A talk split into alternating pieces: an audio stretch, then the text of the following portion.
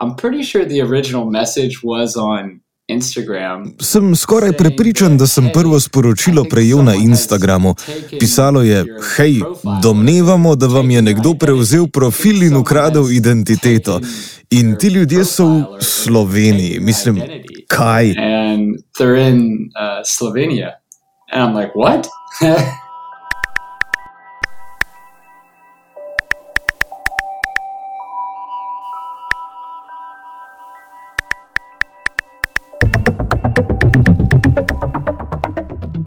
Poslušate pod črto podcast.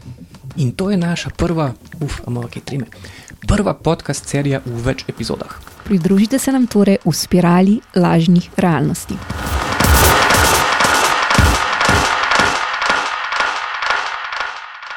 Pozdravljeni v prvi epizodi podcast serije Lažne realnosti. Z vami sva Taja Topolovec in Leonard Kučič. Pozdravljeni tudi z moje strani. My name is Fletcher.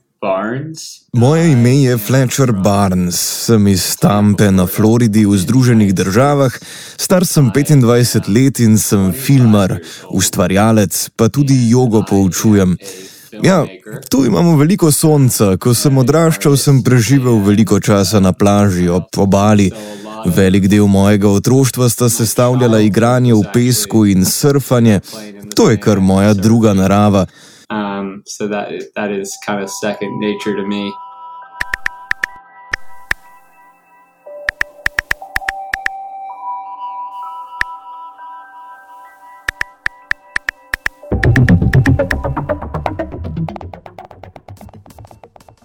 He reached out on on Instagram. He found me on Instagram and said, Kontaktiral me je na Instagramu.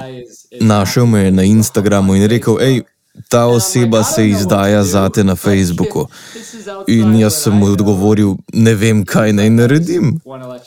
O tem nič ne vem, on pa je odgovoril, da me obvešča, da so začeli pokrivati še več, a veste, kraj identitete in podobnih reči v slovenskih medijih. Dodal je, da se mu je zdelo prav, da me obvesti. Um, he's like, I just thought you should know. I went on Facebook In potem sem šel na Facebook in naslednje, kar vidim, je, to sem res jaz. Ampak to nisem jaz. In ta jaz potem tipka ta jezik, ki mi je skoraj čisto tuj in počne vse te reči, ki jih jaz ne bi. Barnsa je prek Instagrama kontaktiral Tadej Štrok z inštituta Danes je nov dan. Pri počrtu smo praktično pred točno enim letom objavili temo o lažnih javnostih. Natančneje, serijo člankov o lažnih profilih na Twitterju, ki napadajo kritike stranke SDS. V sodelovanju z inštitutom Danes je nov dan smo za pripravo te teme več mesecev analizirali objave na Twitterju, pri tem pa smo identificirali več deset lažnih profilov in eden izmed njih je bil povezan tudi s Fletcherjem Barnesom.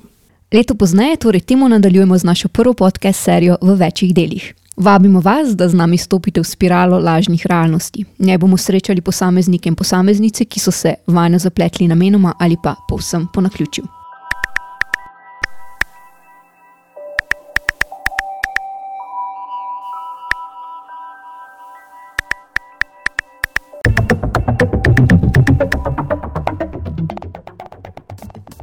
I think what happened is they used Mislim, da so uporabili veliko mojih fotografij in potem ustvarili nov račun z drugim imenom. Potem so začeli objavljati in slediti veliko različnim ljudem, in sem pomislil, wow, res se trudijo, da bi nekaj dosegli, ne vem točno kaj, da bi postali jaz. In sem pomislil, v redu, vsej vem, da sem precej kul tip, ampak dajte no, bodite raje to, kar ste. Cool so then I had to go through all these like Facebook Potem sem moral skozi vse te postopke, verifikacije na Facebooku in podobno. Spremenil sem geslo in poskusil zaščititi nekatere podatke in spremeniti e-pošto, ki sem jo imel na Facebooku.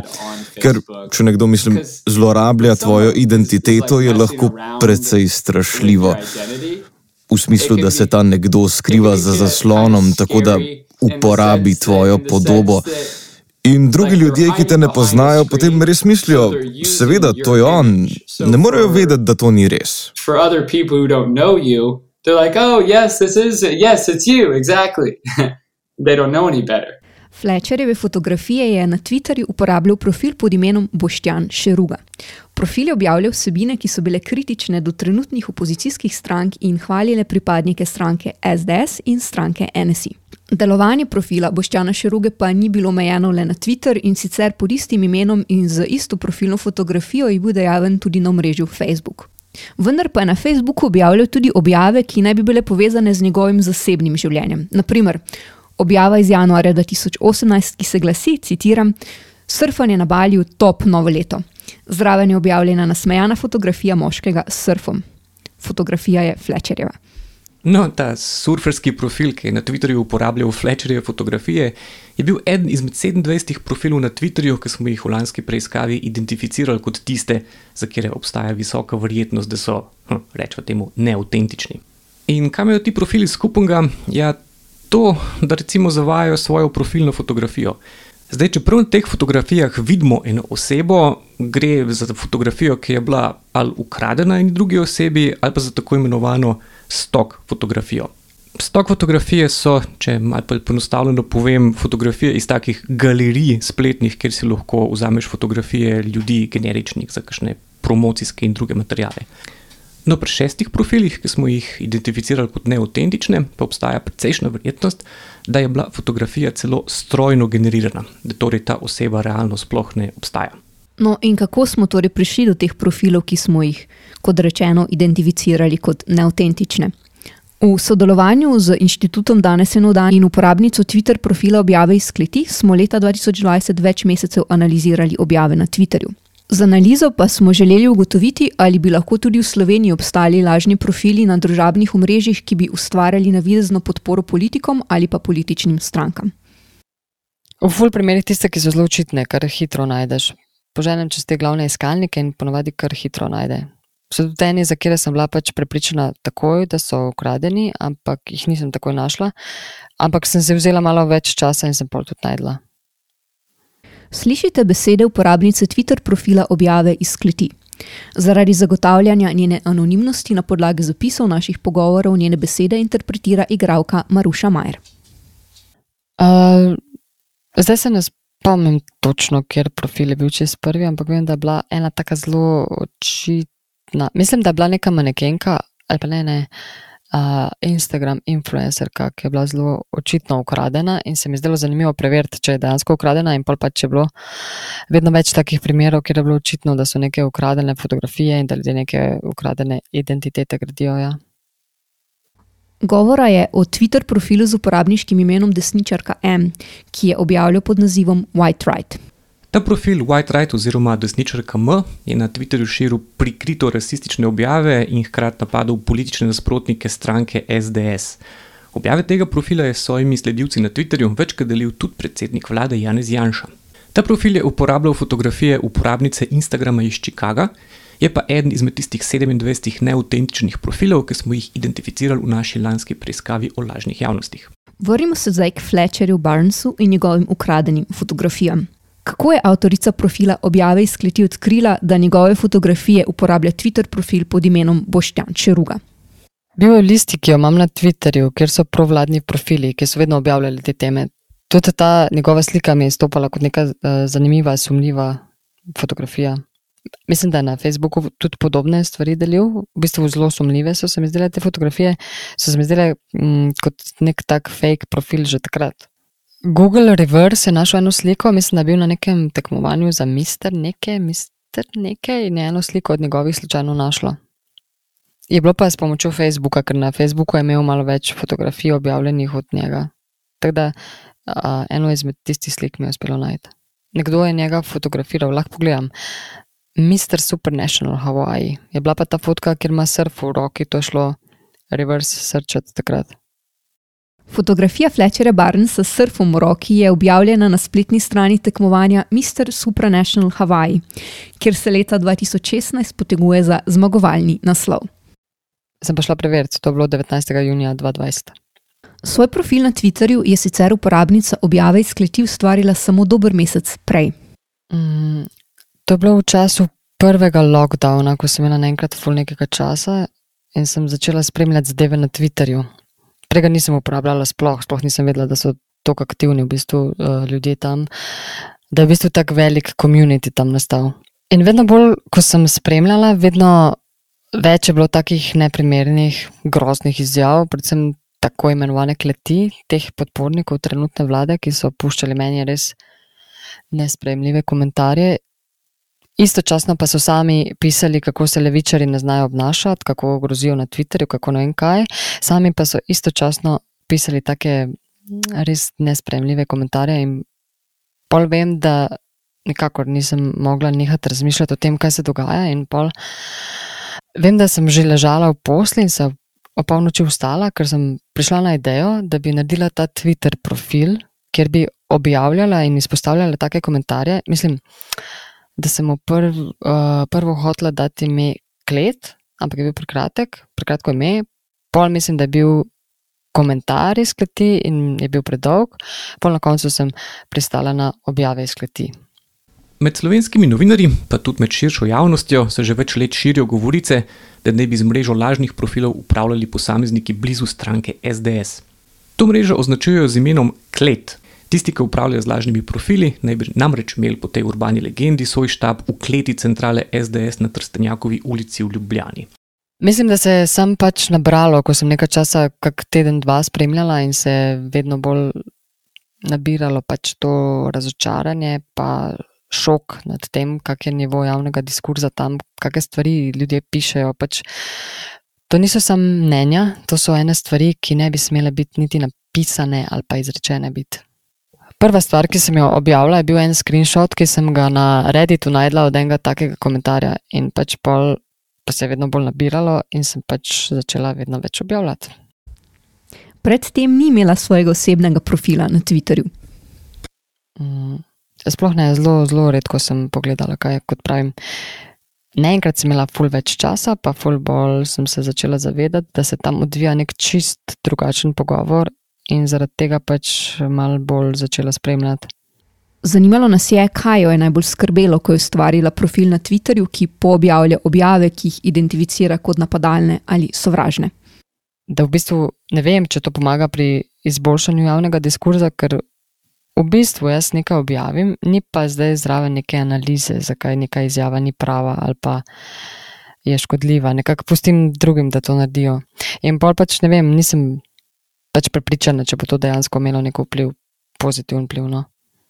Družabne omrežja postajajo vse bolj pomembno orodje političnega boja. Poleg predstavljanja političnih idej, pa politiki, pa njihove stranke, pa tudi različne interesne skupine ta omrežja uporabljajo za napade za svoje politične nasprotnike, med drugim. Če pa ti politiki, stranke in interesne skupine hočejo, da bi bili taki napadi kar najbolj učinkoviti, pa morajo ti napadi izgledati kot mnenje domnevnega običajnega človeka z ulice. Ker če nekaj strokovnjaka recimo kritizira določena politična skupina, pol je bralcem hitro jasno, da je lahko vzrok za to kritiko politični interes.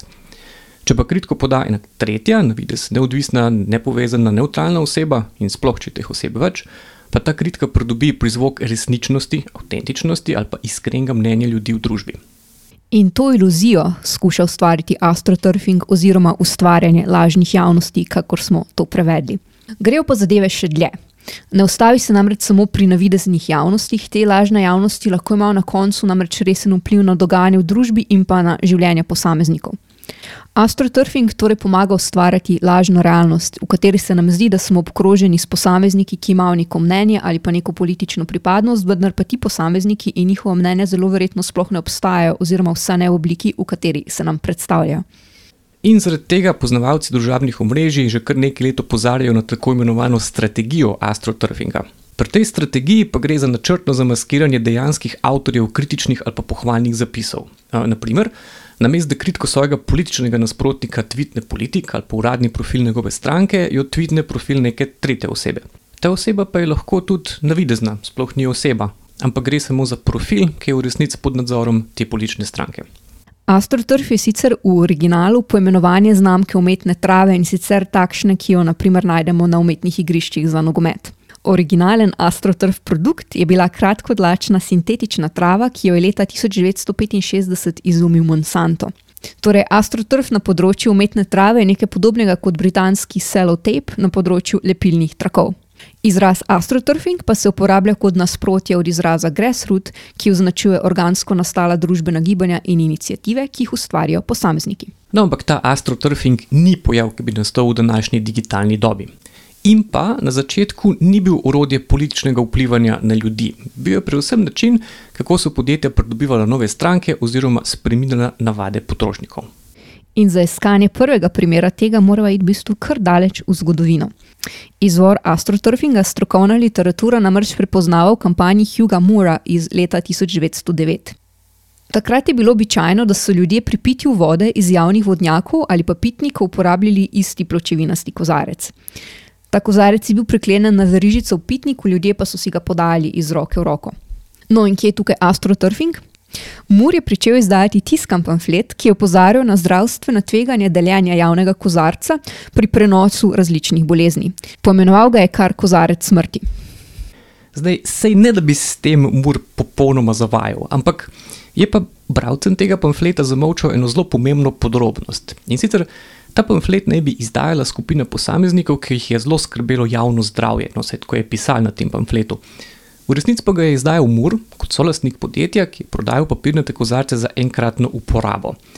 Uporaba teh papirnatih kozarcev pa je bila torej v njegovem poslovnem interesu. Tako da ta izvirni astroturfing je bil na začetku način, kako za en komercialen produkt ustvariti lažno podporo pri ljudeh. Potrošniki seveda precej bolj zaupajo mnenju ostalih potrošnikov, kot pa mnenju podjetja, ki ta izdelek prodaja in trži. Lažno pozitivna mnenja pri potrošnikih pa lahko pomenijo več prodanih izdelkov.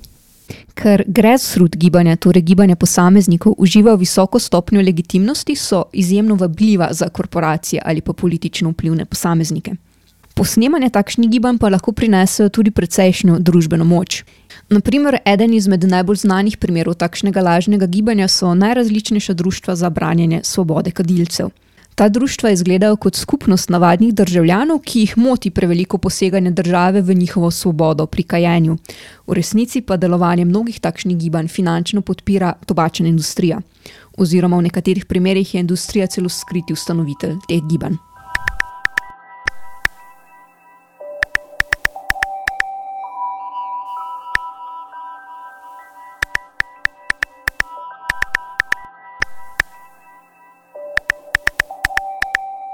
Lenart, kdaj si se pa ti med svojim delom prvič srečal s pojavom astroturfinga? Že leta 2011 sem takrat za delo pisal, mislim, da svoj prvi daljši članek o tem. V ZDA so en let predtem no, predstavili odmeven dokumentarc Astroturf Wars oziroma Vojna Astroturfa, v katerem so opisovali družbeno in politično gibanje Chayang, Tea Party.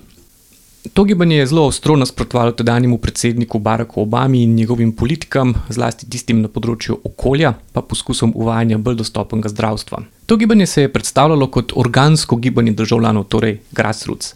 Ampak se je izkazalo, da so ga iz ozadja podpirali številni vplivni republikanski lobisti in financeri. Zato me je zelo zanimalo, ali se kaj takega dogaja tudi pri nas v Sloveniji. Moji tedajni sogovorniki so politični astroturfing pripisovali predvsem stranki SDS tudi zaradi incidenta s spletnimi anketami na strani časopisa Žurnal, ampak je bilo takrat za politični astroturfing v Sloveniji možen zbrati zelo malo dokazov. Zdaj, ker je ta dogodek že kar oddaljen, zakaj gre pri tem incidentu s spletno anketo? Marca 2008 so na žurnalovi spletni strani objavili anketo z naslovom Spor Janša Starina Kosem, kdo ima v medsebojnem sporu prav. In v tej anketi je Janša prijel več kot 115 tisoč glasov. No, ampak pri pregledu rezultatov so na žurnalu posumili, da je anketo nekdo zlorabil, se je za Janša glasoval kar 95 odstotkov vseh, ki so oddali glas. Glasov je pa oddajal računalnik, ki je bil v mreže prijavljen prek domene v lasti Slovenske demokratske stranke oziroma SDS. In kot so takrat poročali mediji, so z tiskovnega predstavništva SDS pojasnili, da so se pri SDS le poslužili sistema, ki ga je omogočala spletna anketa žurnala in ki ni omejevala enega glasu na en IP naslov. Uradno leta 2011 političnega astroturfinga v Sloveniji ni nihče potrdil. Vendar pa je nekaj let kasneje nekdani poslanec SDS Andrej Čuš za časopis Svet 24 priznal, da je že leta 2011 sodeloval pri astroturfingu v organizaciji stranke SDS. V intervjuju iz leta 2017 je takrat povedal: citiram, Tudi sam sem sodeloval v takem projektu leta 2011, ko je 20 mladih 24 ur na dan v izmenah pisalo na vseh teh glavnih portalih. Konec citata.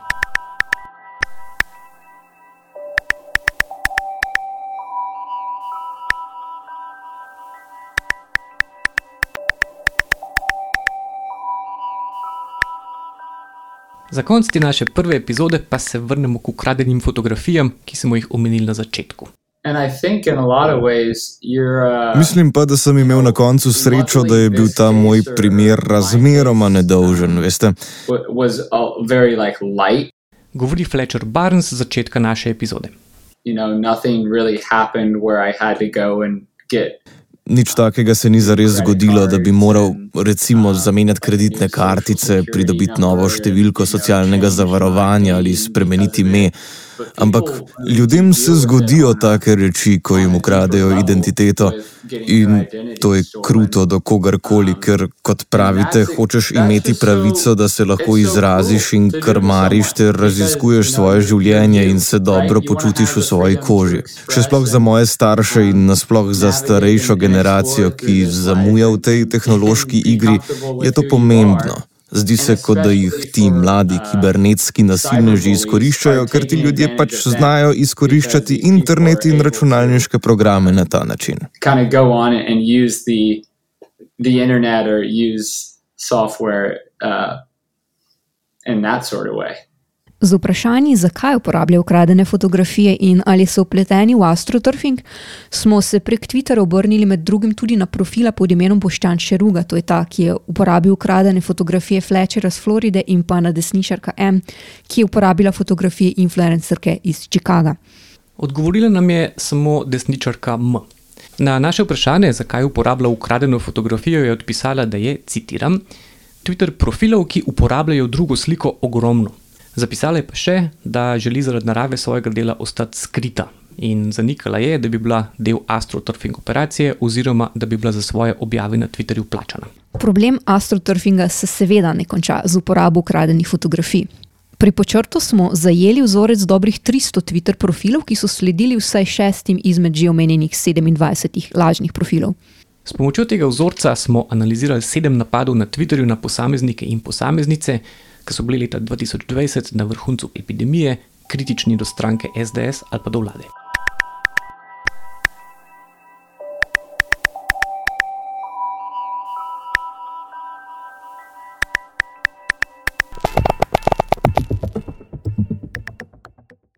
Glavni rumeni opič zdaj tudi, ko ima nov profil, ponavadi mi vedno piše, da ve, kdo smo in da nas bo tožil, še vedno so prazne grožnje. Edina stvar je, da zdaj ve, da sem ena oseba in da sem ženska. Kar slišite, so že odlomki iz naslednje epizode naše serije. Like my picture. In moja fotografija, na kateri naj bi bil neki slovenec, je štrlela ven kot rdeča mušnica iz jesenskega listja. Uh, cool. It like it just I, I stick out like a sore thumb, right? fake news je bilo noro veliko.